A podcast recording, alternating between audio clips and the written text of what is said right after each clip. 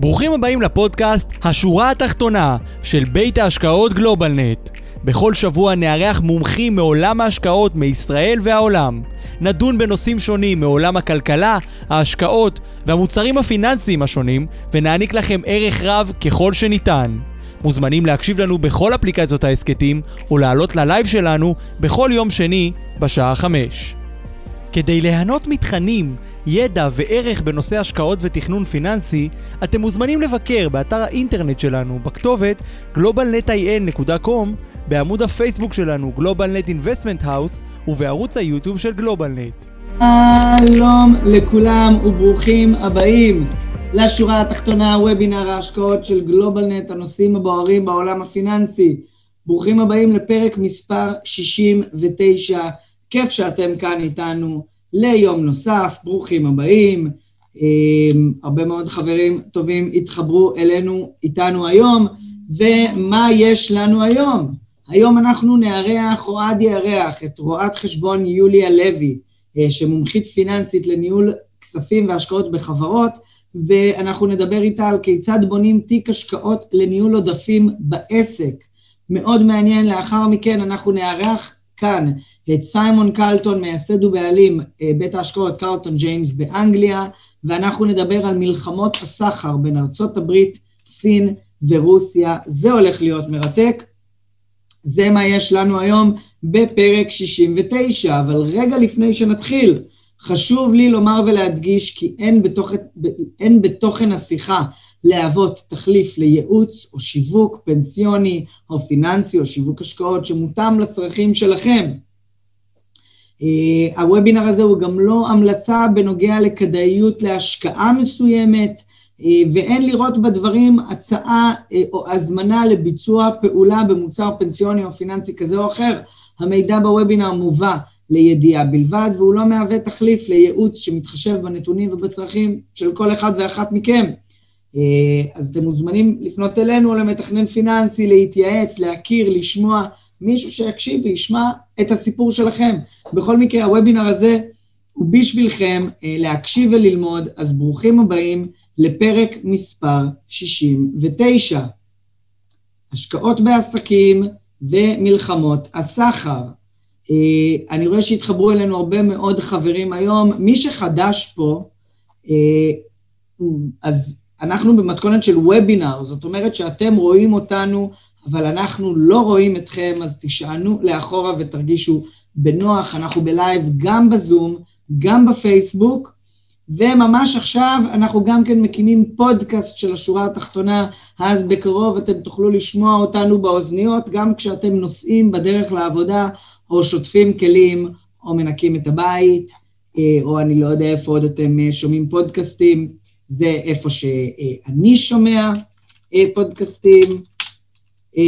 אז יש לנו הרבה מאוד חברים שמחוברים היום, אז שלום לברק ודוד, הראל, ליאור, ליעד פה איתנו, דוד פה איתנו, דולי היקרה, אסתר תמיד כיף לראות אותך, גיא פה איתנו, חלי, תומר, יאיר, יפעת, יוסי פה איתנו, יוליה, עירית, אתי, שרי, הרבה מאוד חברים טובים שכיף לראות שאתם כל שבוע מתחברים אלינו. ושלום לאוהד שמדבר איתנו היום מהבית. אוהד, אתה מוזמן לעלות אלינו.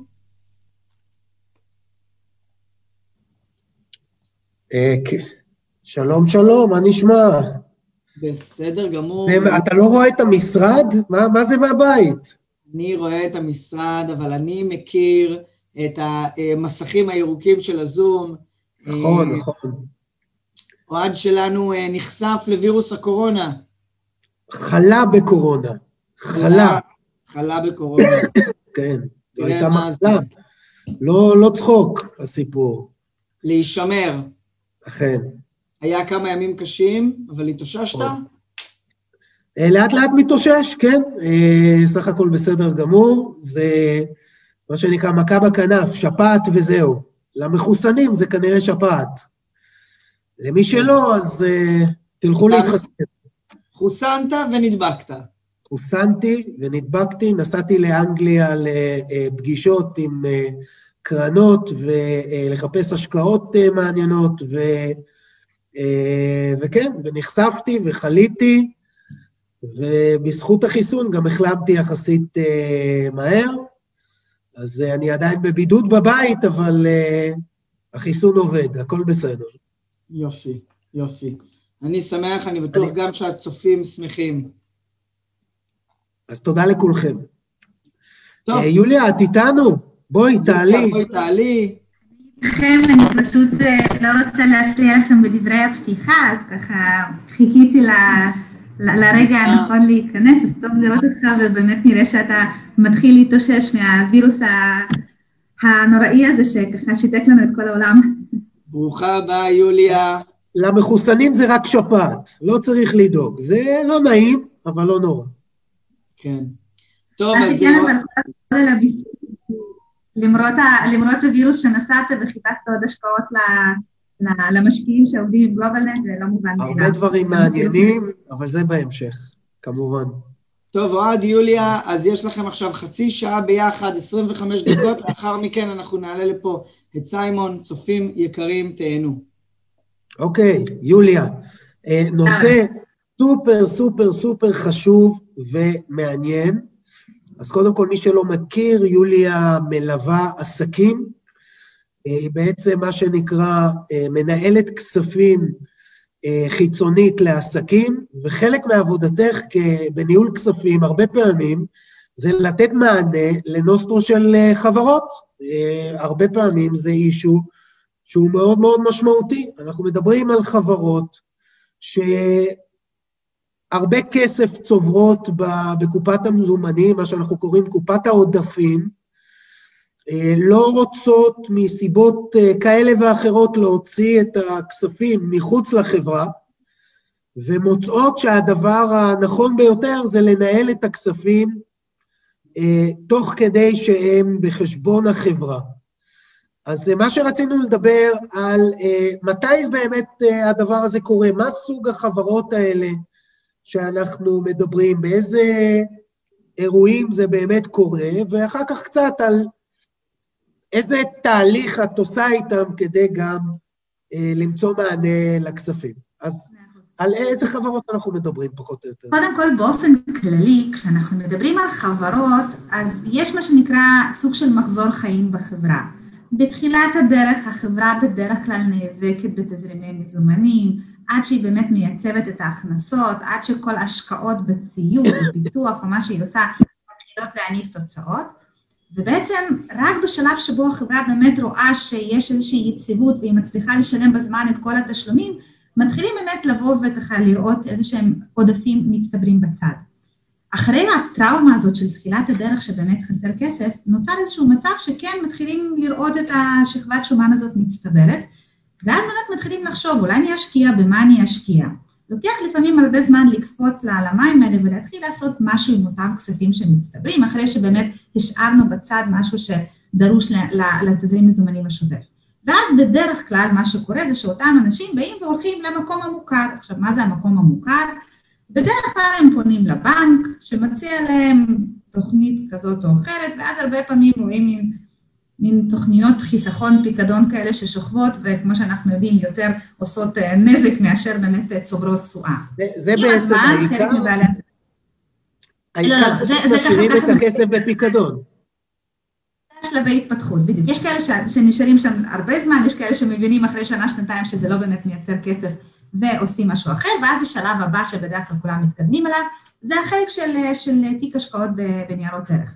ששם, שוב, יש כאלה שעובדים עם אג"חים, יש כאלה שקצת קונים מניות, יש כאלה שעושים את זה קצת לבד, יש כאלה שנעזרים באיזשהו אה, מנהל תיק, ובסופו של דבר זה ככה נשאר באזורי השוק ההון, שצולל אה, כלפי מטה, מה שנקרא קופץ למעלה למטה, ובעצם אותם אה, בעלי עסקים אמיצים שהחליטו לבוא ולנסות את כוחם בעולם ההשקעות ולראות איזושהי תשואה על הכסף שהרוויחו אה, ככה בשנים האחרונות, הרבה פעמים חווים התקפי לב, כי באמת השוק מאוד מאוד תנודתי, ובמיוחד שאם אנחנו מדברים על עכשיו, יולי 2021, עם כל התהפוכות שהיו בשוק ההון בשנה האחרונה, ועם כל אפקט הבועה שמדברים עליו, זה מאוד מאוד מלחיץ.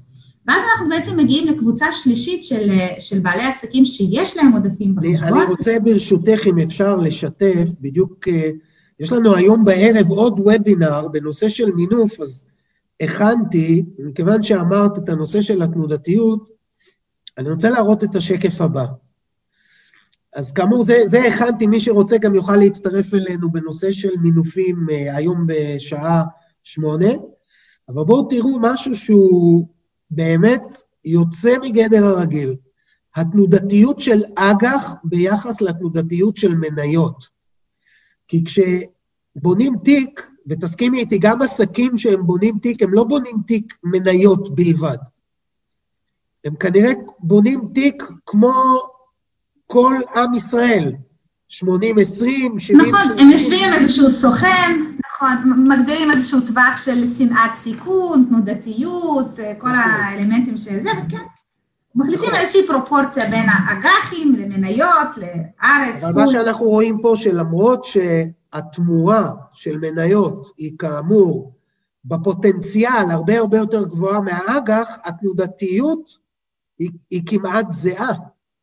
כלומר, זה אותו סיכון עם פוטנציאל הרבה הרבה יותר נמוך באגרות החוב. אבל את התנודתיות הם חווים באופן מלא בשתי נכון. ה...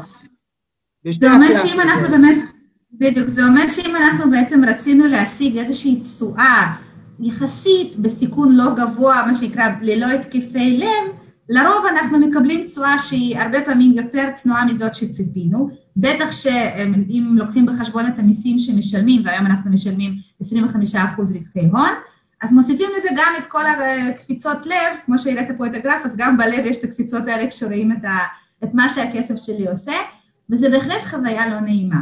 ואז באותה נקודה... חשוב לי רק להראות, מה שרשום למעלה, זה S&P 500 מול אה, אג"ח ממשלתי, לא אג"ח קונצרני.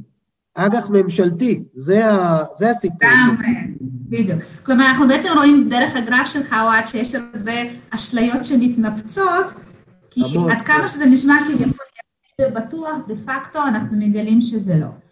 ואז יש בעצם את התהליך הבא שהם באים ואומרים, טוב, אז מה נעשה עם הכסף? אז פה מגיע בעצם הגל הבא שאומר, טוב, נדל"ן זה הכי יציב, משרד. ויש לי כמה לקוחות שרכשו משרד, או שניים, או שלושה, אה, ולמעשה גם שם, עם כל מה שראינו בשנה האחרונה, אנחנו מגלים שזה לא בדיוק עושה את העבודה. יש פה הערה של יאיר שהוא אומר, ובצדק, אג"ח ממשלתי ארוך, אה, אג"ח ממשלתי קצר, אם זה מכ"מים או אה, כל הזה, זה נסחר בגובה ריבית מאוד מאוד קבוע לריבית, ואנחנו יודעים מה הריבית.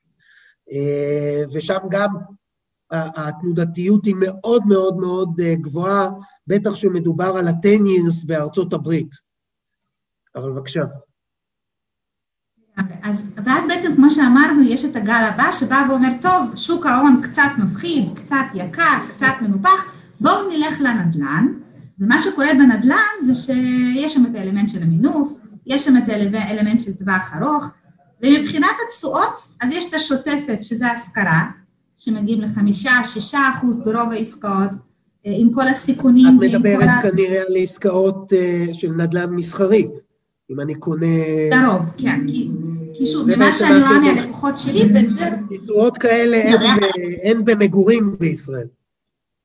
נכון, נכון, זה, אתה אומר, זה עוד התשואות הטובות, כן, לגמרי. אלה התשואות הטובות. שוב, יש מקרים שבהם, נכון, יש מקרים שבה, שבהם בעצם אותם בעלי שליטה מחליטים למשוך את הכספים לאזור הפרטי, ומנסים לעשות כל מיני אה, עסקאות, אה, השקעות נדל"ן כאלה ואחרות, אלא שבדרך, כשאנחנו מושכים את הכסף מהחברה, אז יש לנו את הקנס יציאה, אוקיי? הקנס היום הוא בעצם מס של או 25 אחוז או 30 אחוז, לרוב בעלי שליטה, בעלי אה, מניות מהותיים אז הם משלמים 30 אחוז, כלומר מתוך כל 100 שקלים שישבו אצלי בעודפים בחברה, ברגע שהחלטתי למשוך הביתה, נשארתי עם 70, ושוב, גם אם אני עושה תשואה יותר גבוהה, בעצם זה לא באמת מפצה אותי על האובדן של ה-30 אחוז.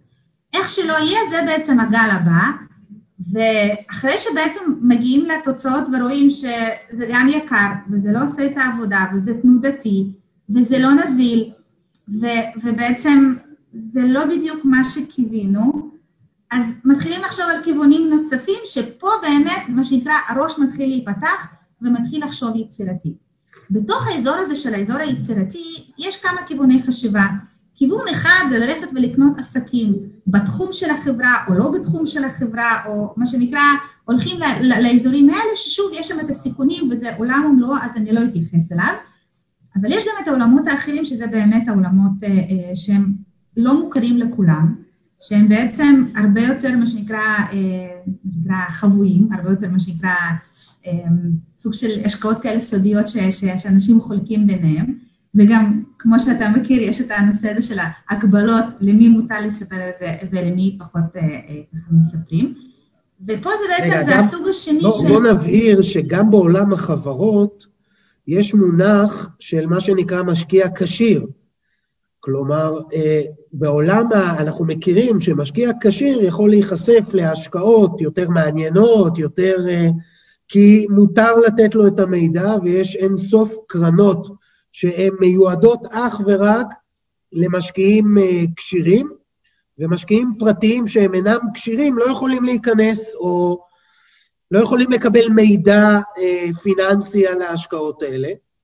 גם חברות הן יכולות להיחשב משקיע לא כשיר, כי כדי שחברה תהיה משקיע כשיר היא צריכה הון עצמי של מעל 50 מיליון שקל. הון עצמי. נזיל, לא בנכסים. הון עצמי נזיל של מעל 50 מיליון שקל, אחרת החברה, ואנחנו כמובן מדברים על השקעות של חברות, היא משקיע לא כשיר. וגם יש את כל הקשיים האלה שאנחנו מכירים למשקיעים לא כשירים.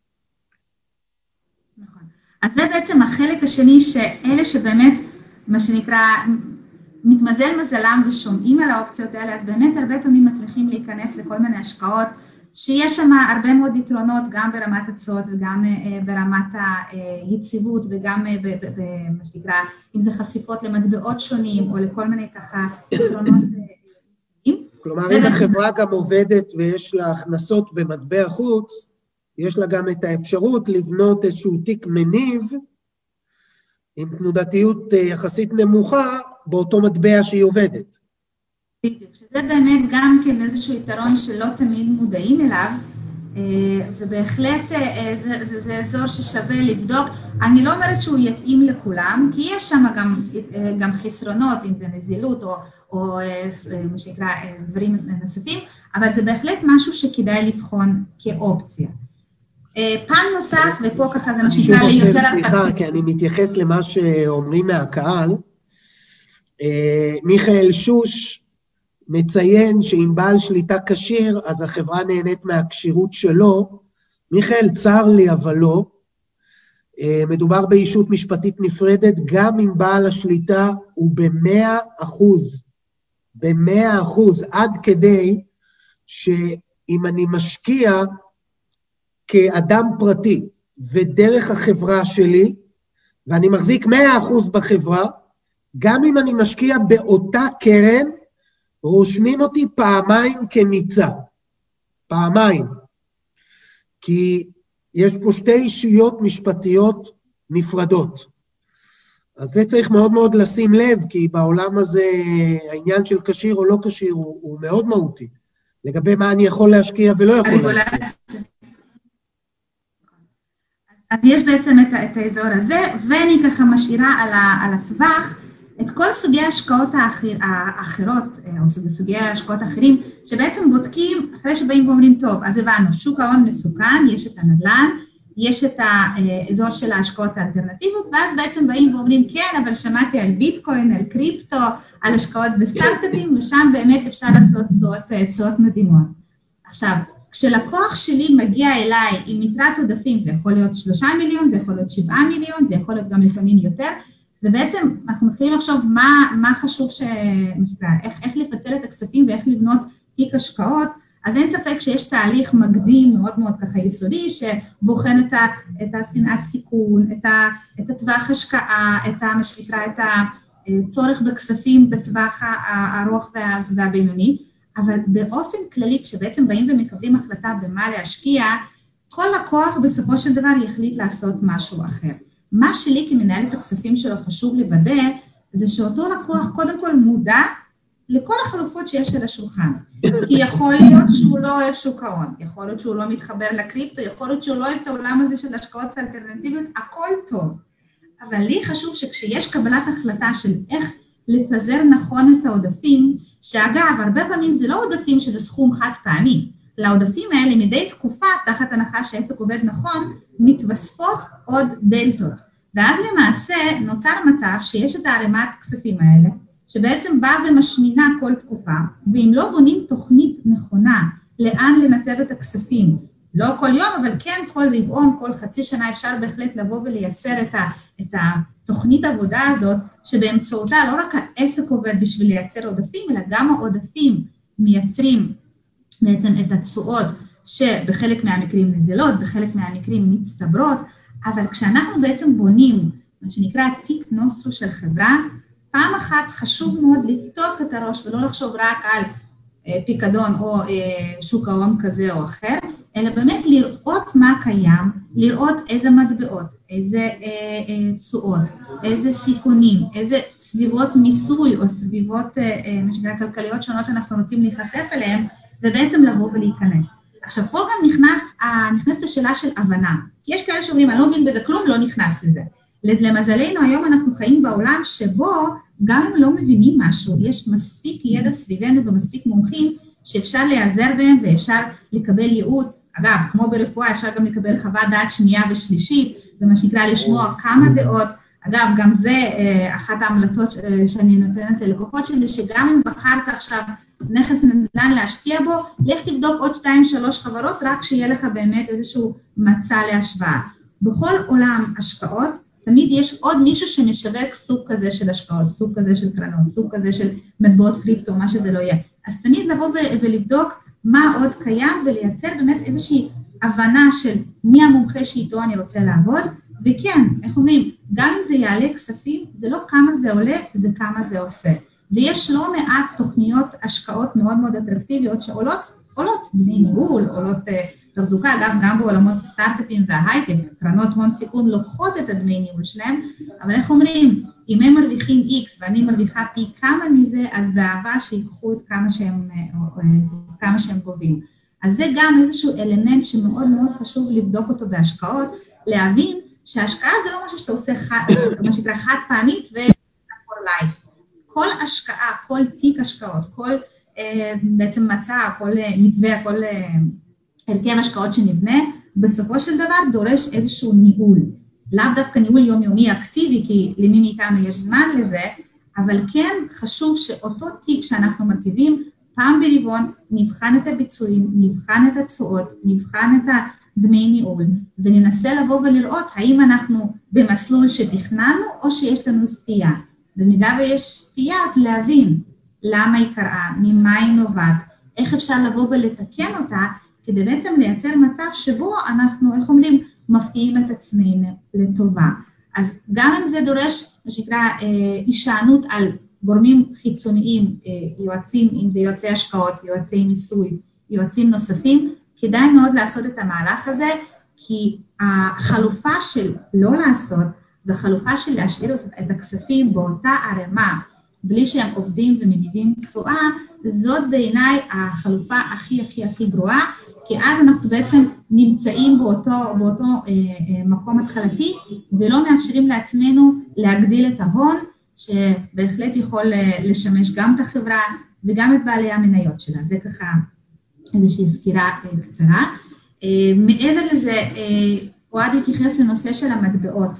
שבהחלט נושא של מטבעות הוא נושא ככה חשוב. רוב העסקים בישראל פועלים בשקלים, חיים בשקלים, מכניסים שקלים, מוציאים שקלים. אבל יש גם לא מעטים שכן נחשפים לכל העולמות האלה של המטבעות חוץ, כי הם משלמים לספקים, מקבלים תקבולים, ואז כן יש איזושהי חשיפה למטבע. אז פה בהחלט שווה לבוא ולבחון חלופות לגידור או לאיזושהי הגנה מפני המטבעות, מתוך מטרה לייצר יציבות בעסק. אז גם פה, יכול להיות שכל התשלומים שלהם במטבע חוץ, ופה בהחלט אותו מכשיר של להשקיע איזושהי השקעה באותו מטבע חוץ שמניבה לי הכנסות, יכולה בהחלט לאזן את הסיכון הזה ולייצר מצב של יציבות, מצב של תשואה חיובית ומצב של באמת רווח בסופו של דבר. נראה שקפצה פה שאלה, לגבי מה ההון, הנושא של ההון העצמי, אז קודם כל, ההון העצמי זה אישור רואה חשבון אה, של הון העצמי ב, לפי ההגדרה של אה, הדוח השנתי. אה, פה יאיר ויינשבן, ויינברג, אמר הון עצמי שווה נכסים פחות התחייבויות.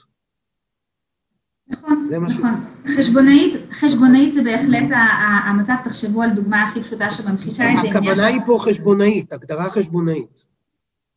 כן, הגדרה חשבונית בעצם באה ואומרת, יש לנו איזשהו איזון, תחשבו על זה שאני קונה דירה במיליון שקלים, הבאתי 300 מהבית, 700 לקחתי משכנתה. אז הון עצמי זה בעצם מה שהבאתי מהבית. כשמסתכלים על חברה ואומרים, יש לי נכסים של 100 והתחייבויות של 70, זה אומר בפשטות שאם החברה עכשיו סוגרת את הפעילות שלה, בעל השליטה הולך הביתה עם 30. אז זה בגדול ההגדרה החשבונאית. אותו הון כמובן מתעדכן משנה לשנה, כי הרווח השנתי מצטרף אליו או נגרע ממנו אם יש חלוקת דיבידנד, ובעצם בהחלט זו איזושהי יתרה מאוד מאוד דינמית, שהרבה פעמים... אבל ההגדרה בחוק היא הון עצמי חשבונאי, זה בעצם ההגדרה בחוק. נכון. עכשיו, מה שכן חשוב להזכיר רק, שלא תמיד ההון העצמי, אותם לצורך הדוגמה 30 שקלים שיש לנו בצד, משקפים גם את יתרת המזומנים. כלומר, הרבה פעמים אנחנו רואים יותר מזומנים, כי אולי גייסנו הלוואות, או פחות מזומנים, כי אולי השקענו בנכסים, או אה, בכל מיני אה, מלאים, או ציוד, או מה שזה לא יהיה, כך שלא תמיד יש קורלציה אחת לאחת בין ההון לבין ופה בהחלט השאיפה ובתפיסה שלי, וכשאנחנו מדברים על ניהול כספים, אנחנו חייבים לייצר איזושהי יתרת מזומן שתייצר לנו את השקט הנפשי, מה שנקרא בתזרים מזומנים למקרה שיהיו איזשהן קפיצות, תנודות, שינויים בהיקפי הפעילות, ומהצד השני אנחנו בעצם צריכים להיזהר מהמצב שבו אנחנו שומרים יותר מדי כספים במזומן, כשאותו מזומן לא מייצר לנו שום תשואה ושום מה שנקרא אמ, רווח מזה שהוא עובד באיזושהי מסגרת. אז נכון שאנחנו, כשאנחנו באים לתכנן את, ה, את התיק נוסטרו שלנו, חייבים להיות קודם כל מודעים לכל החלופות שישנן, והשלב השני לבוא ולבחון באיזה צורה אנחנו נרצה לפזר. אז קלן מרקוביץ' במימון בא ומדבר על כך שאנחנו לא נשים את כל הביצים בסל אחד, כלומר לא ניקח את כל העודפים ונשים. בקרן אחד או במניה אחת או במניין אחד, ומהצד השני אנחנו גם צריכים לבוא ולהיזהר מפיזור יתר. כלומר, צריכה להיות איזושהי מידתיות שלפעמים אנחנו בעצם באים ומייצרים אותה על פני תקופה, לפעמים אנחנו מתכננים אותה מראש, ומה שנקרא, כל הזמן משלמים על פרופורציות קבועות, אבל שוב, השקעות בעולם הקורפורט, בעולם החברות, זה נושא מאוד מאוד מאוד חשוב, בעיניי לא תמיד נותנים לו מספיק יחס ומספיק מה שנקרא תשומת לב בשוטף, ואז נוצר מצב שאנחנו לא באמת ממקסמים, או מה שנקרא מגיעים לאופטימום מבחינת התשואות בכספים האלה.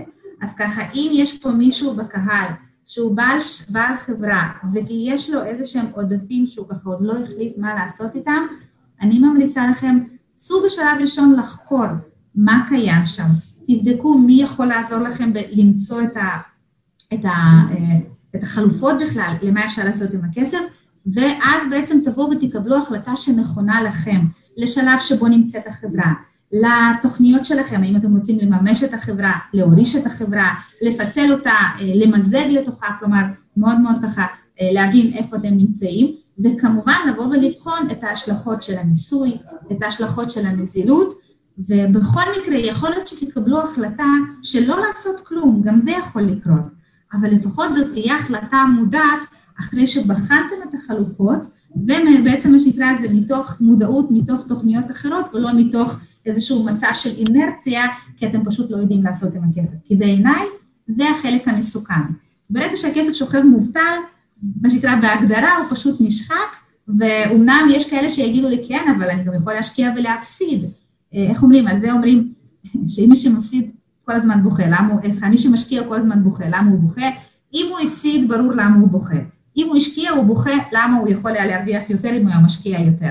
אז נכון שעולם ההשקעות ועולם הרגשות והדמעות ככה הם יד ביד, אבל אני מאמינה שאם עובדים בצורה נכונה, בצורה שיטתית, אם עושים בדיקות נאותות על אותן השקעות שמתכננים להיכנס אליהן, אני חושבת שבסופו של דבר הסיכוי להרוויח הוא הרבה יותר אה, גבוה, ואם מנהלים את זה נכון לאורך זמן, גם אם יש איזה שהם במפרים או תקופות שהן קצת פחות טובות, לאורך זמן משקיעים שיש להם סבלנות, שיש להם מתודולוגיה, שיש מקצוע שמלווים אותם, הם בעצם רק נהנים. יפה. אה, אני רק רוצה להוסיף אה, שתי דברים לפני שאנחנו נפרדים, כי זה היה מרתק, יוליה. אחד, הרבה מאוד באים אלינו לגלובלנט אה, בעלי עסקים, וחלק ניכר מהעבודה, בעיקר כשמדובר בבעל עסק שהוא בעל שליטה ב-100 אחוז, אנחנו בעצם עושים מתאם, כי דיברת על פיזור, בין ההשקעות הפרטיות של אותו אדם, המשפחתיות, לבין ההשקעות בעסק, כי חשוב לראות את הדברים כמקשה אחת. זה שהכספים עדיין יושבים בעסק מסיבות שמיסויות או אחרות, שכמו שאמרת, לא ידוע אם העסק יתמזג או, או יעבור לדור הבא וכן הלאה, מהרבה סיבות שרוצים להשאיר את הכסף בעסק, מה שמאוד מאוד חשוב זה לוודא שיש חפיפה בין תוכניות ההשקעה של המשפחה לבין תוכניות ההשקעה בעסק. לראות שיש פה איזשהו מתאם בין הדברים, אפילו עד כדי להחליט על הדברים ממש ביחד. על הפיזור שדיברת עליו, שהוא מאוד מאוד מאוד אה, חשוב אה, וכן הלאה. אמ, אז אלה הדברים, זה הזמן שיש לנו לנושא הזה, אנחנו צריכים לעבור להרצאה הבאה. אז יוליה, היה מרתקת תמיד, תודה רבה רבה שהקדשת לנו אה, ולמאזינים שלנו את את זמנך. כמובן שכל מי שבעל עסק ורוצה לקבל אה, עוד ועוד אה, תשובות בנושא, מוזמן אה, לפנות אלינו ואל יוליה, נשמח לעזור לכם. ויוליה, תודה, באמת תודה רבה. וכמובן נעבור לסיימון, סיימון קלטון, מנכ"ל קרן ההשקעות קלטון ג'יימס. היי סיימון, how are you? Good, thank you, Awad. How are you? Fine, fine. I just uh, at the beginning uh, shared our, our, viewers about the corona uh, situation that I uh, dealt with. And uh, to be precise, we dealt it together. Yeah. Because uh, we got it at the same time. Yeah. Together. yeah, I, I too have coronavirus yeah, we've been together uh, for a week. Camden Market in England. Yeah, yeah, yeah. And we got it together. But we're stronger because of it, right? Yeah. yeah there you sure. go. Yeah, sure. so there you go. Hi, so everyone. Thank you. Thank you very much uh, for joining us today. In spite of the corona, no problem. We are stronger than uh, than it. So I, I think I'm a, I think I'm a, I'm a marvel of of of human nature. I think that's what it is. I, I keep telling my staff I'm invincible, and that's just you know, I can't be killed. What can you do? So there you go. Okay, so um, a very important uh, subject. We want to talk about the uh, trade war between uh, the United States and other countries especially, especially China. Um, as, as we know, uh, in the pre-corona, pre-corona era, there was a lot of uh, discussions about uh, this subject. Subject. Trump has started with the uh, the trade war with few countries, not only China, but especially with China. Um, my first question uh, for you is what exactly is the trade war that everyone is talking about? What is it? Okay, so it's hard to be exact unless you've got all evening because there are so many aspects of this. I mean, this is a this is global economics. There are there are swings and roundabouts. There are so many different aspects to it.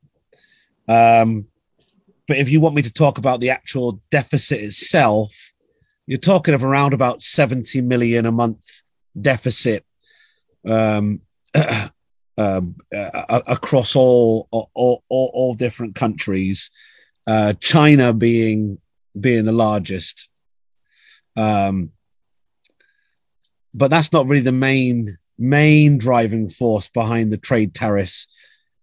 Uh, the, the main driving force is is China itself and and and it, how it's um,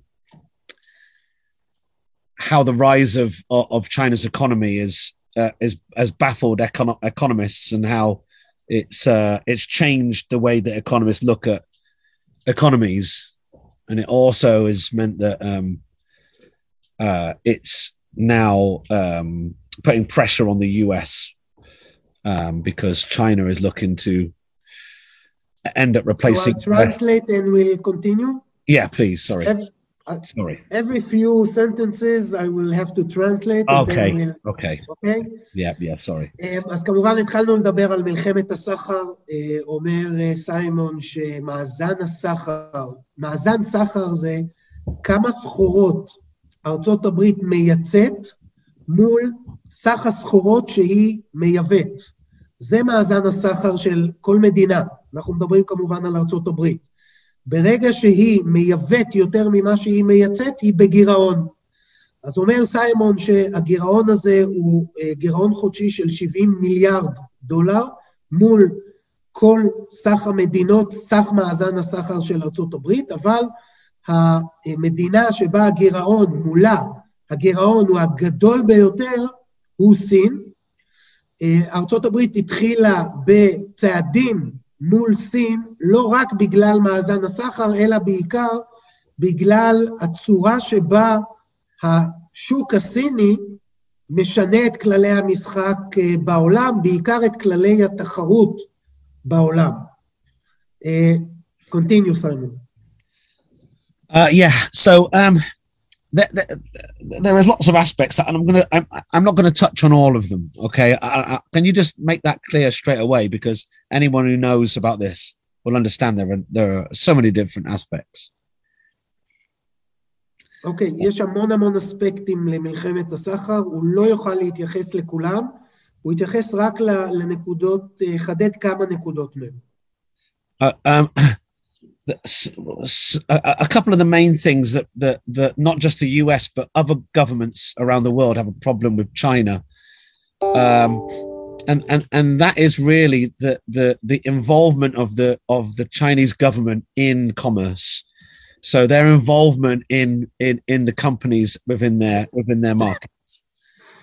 Um, they have these things called um, uh, Shanghai trading companies that take uh, ownership in a lot of their their private companies, um, and they also um, ha- have a have a penchant for um, not not being accurate with their numbers when it comes to showing the world how their how their economy is doing.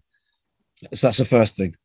I'll let you. Okay, הדבר הראשון הבעייתי מבחינת לא רק ארצות הברית, אלא הרבה מאוד מדינות מערביות בעולם, זה שזה קודם כל המעורבות המאוד עמוקה של הממשל בסין, בחברות עצמם, בתחרות בחברות, בעצם שולטים בשוק ולא מאפשרים באמת לחברות לפעול בצורה חופשייה. והדבר השני זה הנתונים. הנתונים שמתפרסמים, נתונים הכלכליים שמתפרסמים, הם לא נתונים שהעולם יכול לסמוך עליהם, הם נתונים שהממשל שולט עליהם ומנתב אותם. Please.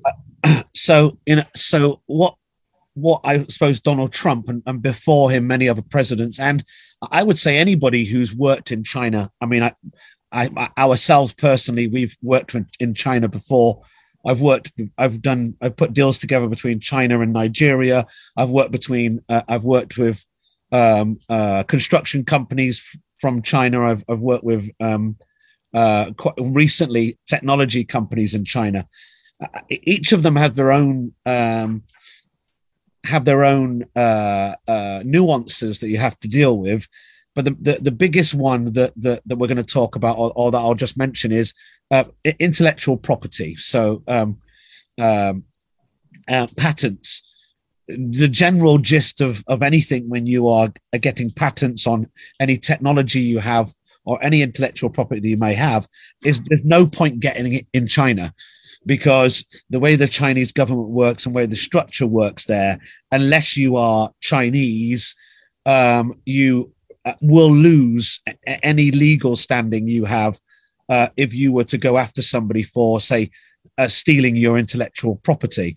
And that's the one of the biggest things that China do. You, you must see it with cars. You know, you'll see cars coming out of China that look very much like other cars, you know, that are US based or, or, or European based. Uh, um, but the Chinese have this amazing way of stealing your idea Um, and, and then making it better quickly. You know, they, they throw time, they throw money and they throw people at, at, at intellectual property and they they don't even try and reverse engineer your property. They they just take it and they just they just use it until eventually your technology is is it, it, it, has been developed on and developed on and developed on and and and it's very hard for anyone um, outside of the of China even being inside of China but but not being uh, Chinese you know it um, d- does stop you from being able to uh, really protect your intellectual property which uh, essentially you know the the economy is is is driven by protection of people's intellectual property uh, and uh, and this is why china causes a, a real problem for other countries because I will translate and we'll continue. Yes. אחת מהבעיות הכלכליות המשמעותיות של המדינות, בעיקר ארה"ב מול סין, זה נושא שמירת התחרות או הפטנטים. אחת מה, מההגנות הכלכליות המשמעותיות על חברות בעולם זה ההגנה על הפטנטים שלהם, על ההמצאות שלהם, על הטכנולוגיה שלהם.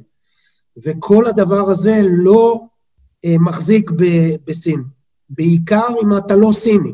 כלומר, אפשר לראות בצורה מאוד מאוד מאוד בולטת שחלק גדול מאוד מהכלכלה הסינית מבוסס על העתקים של טכנולוגיות, של חומרים, של מוצרים שפותחו ומפותחים בכל העולם. הם פשוט גונבים מכל העולם את הרעיונות, משדרגים את הרעיונות על בסיס אותה גניבה, והופכים את זה כשלהם, ואף מדינה בעולם, לפחות לעת עתה, לא מצליחה להגן על העסקים שלה, על הכלכלה שלה, מפני אותה אה, גניבה אה, שממשיכה להתבצע וגם משתכללת כל הזמן בסין. הסינים הופכים להיות יותר ויותר ויותר טובים. בתהליכים, וזה אחת מהבעיות הכלכליות הגדולות שיש לעולם מול, מול סין. ומכאן גם אה, הרבה מאוד אה, אה, מדינות אה, אה, אה, בעצם אה, אה, שמות סנקציות על סין במקומות האלה. Simon, we, we seen that even the new administration in the United States, Biden, has extended his order banning investment in China companies to others companies. so it, it, it, it didn't begin or, or ended in Trump. No, and you know what? Um, I'm a big believer in in in uh, uh, in that people are, uh, are not all bad or all good, and although I very much did not agree with Donald Trump in anything he talked about, uh, um, the, the the the the some of his views on China um, were had to be agreed with. You know, they were from a business point of view, they they were to be agreed with. So, and um, so he, he had the courage to start a lot of uh, exactly. I, I, I, think the, I think the problem is is that no one knows how to fix it. So, you know, this is why people weren't pressing the button. This is why people weren't starting the war with China because we don't really know how to fix it because China is is the US's biggest um, um, creditor. Uh, it's it's the biggest investor. Um, um, it's They buy it's- everything, exactly not only in the United States, all over and the world. everywhere. You know, not only that, you've got they they they because there's there's so much. They they they have a different view on um, human rights in China, which means that the US could never compete with China for for manufacturing. it just won't happen. Okay, um, uh, and and um, so the only thing that US can have over China is the new the new currency, which is data. Okay, but unfortunately, um, data is driven by technology and and the chinese have stolen so much intellectual property they've now pushed ahead and and, and they are now superior to the us in their technology which is you know you have the huawei. I can never pronounce that company. Huawei. Huawei? Huawei right? Uh, so it means that it means that so you've now got a, com- a country that are hard to work with that lie about their information that are better than you in te- with technology and and have a and have a, a, Can you say that that uh, uh, China is better than the United States in technology? I would say so yeah I mean I mean it, it, it's mo- mainly because it's stolen from Ch- from the states you know um but they they've got s- they've got so much of a handing in everything so this is why 5G wars what people don't realize that do you want to do you want to do you want to translate that bit and I'll move on to the next bit or are you happy to wait הם, דיברנו קצת על, ה, ה, על מה שטראמפ אה, אה, התחיל, על אותם תהליכים שהתחיל אה, מול אה, סין, אבל אה, גם ביידן שהמשיך אחריו, אה, ממשיך ב, ב, ביתר שאת, למרות שאפילו חשבו שביידן יוריד ממלחמת הסחר, אנחנו רואים שהוא ממשיך בדיוק באותו קו, למרות שסיימון אומר שהוא לא מסכים כמובן עם כל מה ש... טראמפ אמר, בהקשר הספציפי הזה מול סיימון, רוב הדברים שטראמפ אמר ועשה, בהחלט יש להם אה, קונצנזוס, ועד שהוא החליט לפעול, העולם, ואפשר אפילו להגיד אה, גם עד היום, העולם לא באמת יודע איך להילחם בתהליכים האלה, כי מדובר במדינה שהיא לא מכבדת שום אה, אמנה בינלאומית, ולא זכויות אדם ולא זכויות קניין, ו- ומאוד מאוד קשה אה, גם בסנקציות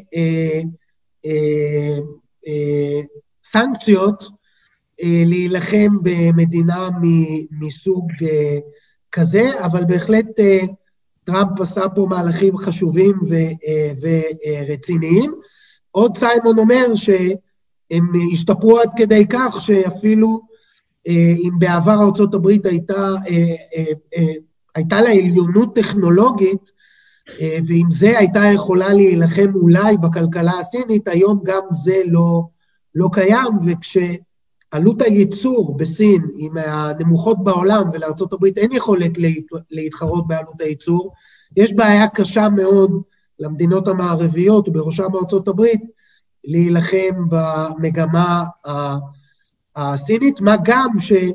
סין היא בעלת החוב הגדולה ביותר של הברית, היא מחזיקה הכי הרבה אג"ח אמריקאי, והיא גם המשקיעה הכי גדולה, היא קונה המון דברים בסין. שימו לב גם לרגולטורים הישראלים, שלא מאפשרים לסין באמת לקנות חברות אה, פיננסיות, או הרבה דברים שסינים רוצים לקנות פה בישראל לא נותנים להם, וזה גם חלק ממלחמת הסחר בעולם, לא לתת לסין להשתלט פשוט על חברות בכל רחבי העולם. סיימון, um, last question, I think the important... Uh, You know, if, you, if you don't mind let me just Yeah. answer the last question because I didn't really answer it. So let me answer it. Okay, the reason why um the main reason i think why um uh biden has has not made any change is twofold. One you cannot really take into account 20 and 21 as a as an as uh, um, as a degree of understanding whether what trump did was correct or not it seemed like it has made an effect however you've had covid followed by lots of spending. So you, you still need longer to, to, to decide what you're going to do. The second thing is um, even if you did know what how it's worked, you still don't know how to fix the problem. So the Biden administration and Xi Jinping's uh, uh, administration, you know, what they're doing at the moment is they're at lockerheads because what what the US actually want China to do is completely against China's plan of action for world domination. So the two countries are at lockerheads right now. No one really knows how to fix the problem. So let let let what Donald Trump's put in place stay in place for a little while, and let's get some data on, on what that actually means. אוקיי. אוקיי. מה שהוא באמת, אה, הוא, הוא עונה על השאלה הקודמת לגבי מה שביידן אה, עושה, זו הייתה השאלה. הוא אומר, הסיבה שביידן ממשיך זה כי אין מספיק מידע לגבי הצעדים שטראמפ כבר התחיל, גם כי לא עבר מספיק זמן, גם כי תקופת הקורונה היא לא תקופה טובה אה, בכל זאת ראינו איזושהי נסיגה כלכלית והרבה מאוד כסף ש... שגויס והודפס וניתן, אז קשה מאוד לדעת באמת אם הצעדים הם נכונים, ולכן הם פשוט ממשיכים את אותו, את אותו כיוון. דבר נוסף שהוא מציין, שהמצב הוא כל כך סבוך, כי מה שארצות הברית רוצה שסין תעשה, הוא שונה 180 מעלות מכל האסטרטגיה של סין לשליטה כלכלית בעולם. שוב, אנחנו רואים את זה ברכישות האגרסיביות של הסינים בכל העולם, הפעולה האגרסיבית של הממשל אה, אה, מול אה, כל המדינות, מול חברות בפנים, שלא מיישרות קו עם הקו של הארגון, הם פשוט מחלקים את החברות, את הכספים, הם פשוט פועלים בצורה שהיא לא, לא כלכלית, לא תחרותית, טוטליטרית, כמו שהממשל הוא. אז, אז יש פה איזשהו דדלוק ולא ברור לאן זה מוביל. So Simon, um, how do you think this situation should affect our way of investing? What changes do we need to do in the investments portfolio um, when we are realizing that this situation will continue for a long time? and and and, and, yeah and let's be honest ohad these can these, these situations will always happen because it's the you know we we have a saying in the uk which is the changing of the guard you know it, it this has happened it's happened before while the us took over the british empire you know in return in respect of world leaders you know the the, the problem you have right now is the us uh, the US will always have a staple, but they aren't this. They, they are now buying power. They are purchasers, but the fact that they're purchasers and they've got such such um, uh, um, such uh, enth- emphasis on capitalism that that's the, the end of them really because they buy so much that they the, the, the deficit happens and the country goes down in value. You see, and and this is that is going that's going to happen over a longer period. What you can take, what what's a good thing to take away from from what I'm saying here, because it sounds very doom and gloom, is is the world is very much connected more than ever, and money just moves, you know, and the world continues to move. And I, I said to uh, uh, in the South China Morning Post recently, they interviewed me on on uh, on on how the troubles in Hong Kong and the changes in Hong Kong, what that means for for European and the Western investment in into into into into Asia, and does this mean there's going to be a disconnect? And I said no, and I explained in in more detail than I'm going to now that the the reason is is because economics finds a way and investments find a way. And you have to take every, when you're looking at investing you have to take the world economy the global economy you have to understand how how how cycles work and the fact that uh, so if a country's down it will be back. And if an economy's down it will be back. And then you go into the industry then you go into the company so it I would say that you just you have to take it into account but not frighten yourself into not investing because there are always good deals to be had. There are always there's always money to be made, um, and you just need to um, listen to the experts um, and, and and be careful what you're reading online. and that's it. Other than that, I, I, don't know what to tell you because you know we're in the midst, we're in the eye of the storm. Ohad, you know, like who who knows what's going to happen? Like you know, if you look at the way the way that we think is going to happen with, with with the economic downturn, we strongly believe a double dip should happen. But what's really really interesting is, and what I'm really excited about from an econ- economist point of view, is to is to see how this pandemic will affect uh, that double dip and, and, and the economy. And this data we're getting over these two years will stand us in good stead to influence our investments going forward. But unfortunately, we have to wait and see what that what that means over the next couple of years. And, yes. and, and, and I think at the same time, whilst we're waiting to see what happens with the pandemic, it will kind of put the deal, the kind of US China trade deal on pause for a little bit. They'll continue to talk, but no one's really going to press any buttons, I don't think, until we really see what the pandemic it has done to the global economy. Sorry, there's lots for you to translate. I apologize. I'll try. אני שאלתי איזה שינויים צריכים להיות בתיקי ההשקעות כתוצאה מה...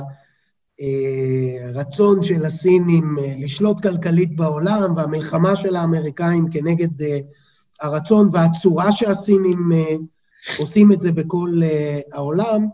הוא בא ואומר, קודם כל אנחנו בעין הסערה, יש פה גם את הקורונה, אני לא רואה מצב שמשהו זז כרגע, ובאמת גם במגזרת מלחמת הסחר, יש איזשהו שינוי לכאן או לכאן במגמות, או לא בהחמרה מאוד מאוד קיצונית ולא בהגעה להסכם שכל הזמן מדברים עליו, אבל הוא באוויר ו, וכמובן אה, לא, לא קורה. הוא חושב שגם לא, לא יקרה כרגע, אה, אה, לא בזמן שהאבק עוד לא שקע מכל מה שקורה עם הקורונה, וה... המשבר הכלכלי, הוא אמר double dip, זה בעצם, חווינו משבר ונחזור לחוות עוד משבר, זה double dip. אה, כלכלי בעקבות אה, המצב הכלכלי. אה, אז בגלל כל, כל מה שקורה, מצב חדש עם הקורונה והכספים האדירים שהודפסו וארצות הברית שהם קונה כל דבר, והקפיטליזם בארצות הברית שהוא דוחף לקנות ולקנות ולקנות ולקנות, כמו תמיד, אז זה סוג של, אה, כמו לקחת כדור אקמול, להוריד את הכאב ראש אה, ולעמם את הסימפטומים עד שיעברו הסימפטומים. ברגע, ש, ברגע שהדברים אה, ישקעו ונבין קצת יותר, אז נדע לאן גם הנושא של מלחמת הסחר, ומכאן גם שינויים בתיקים. אז הוא לא רואה כרגע שינויים משמעותיים בתיקים כתוצאה לפחות מהנושא הזה של uh, מלחמת הסחר. Uh, I, I think I succeeded to translate everything or almost everything. So I heard it. I heard it, and I thought you did very, very well. You you will uh, understand the Hebrew very soon. Oh. well, uh, yeah, hopefully once the once the pandemic loosens it loosens off a bit, I'll be coming over more and and then I'll learn more. Yeah. So Simon, thank you very very very much for your time. I know no problem. it's uh, not easy after the corona to yeah brain yeah, yeah the, the, mind is not right yeah it's not the same not the same no yeah there you go but thank you very much for having me you, have been brilliant um, like always. So thank you. Thank you very thank much. You guys. Thank you very much. Thank you. ביי ביי. חברים, תודה רבה שהייתם איתנו. תודה רבה, אוהד. תודה לסיימון ויוליה שהתארחו איתנו. אוהד, שהמשך ערב טוב. תודה רבה. מהר משאריות הקורונה. ו... וזהו, חברים, ושיהיה שבוע טוב לכולם. בשורות טובות. מוזמנים להמשיך לעקוב אחרינו, גם בפייסבוק, גלובלנט ישראל. אה, וגם ביוטיוב הכל עולה, מי שאולי נכנס באמצע, רוצה לשמוע עוד, מוזמן אה, להיכנס אה, לפייסבוק או ליוטיוב ולשמוע את ההקלטות, אז שיהיה שבוע טוב ונתראה בשבוע הבא, בפרק הבא של השורה התחתונה. תודה לכם, תודה לכל מי שהשתתף, לכל מי ששאל שאלות. מוזמנים להמשיך לשאול אותנו שאלות במייל, וכמובן שנחזור לכולם. כל טוב וערב טוב. כאן מגיע לסיומו עוד פרק מלא ערך של הפודקאסט השורה התחתונה מאת בית ההשקעות גלובלנט. תודה רבה שהייתם איתנו והאזנתם לפרק. אתם מוזמנים לבקר אותנו באתר האינטרנט שלנו globalnetil.com, לעקוב אחרינו בעמוד הפייסבוק שלנו GlobalNet Investment House וללחוץ לייק כדי לעקוב אחרינו. כל הפרקים של השורה התחתונה זמינים בערוץ היוטיוב של גלובלנט. להתראות בפעם הבאה.